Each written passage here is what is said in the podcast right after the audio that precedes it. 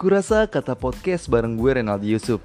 Dari sekian banyaknya orang yang bilang bahwa lebih baik jadilah diri sendiri.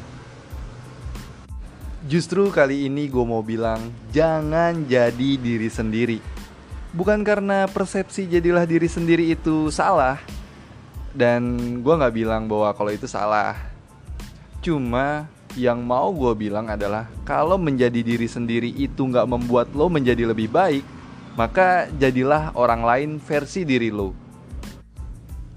Ah, kalau gitu sama aja dong, jadi diri sendiri juga.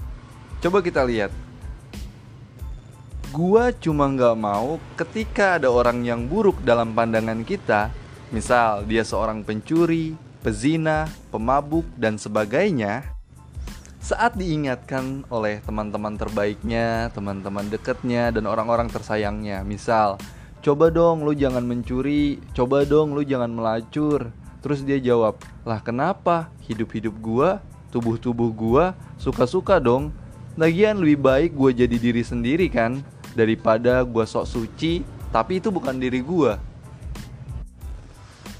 Atau ada orang yang pemalas dan dia enggan merubah kemalasannya karena dia merasa bahwa malas adalah gambaran menjadi dirinya sendiri. Menurut gue sih itu persepsi yang salah ya.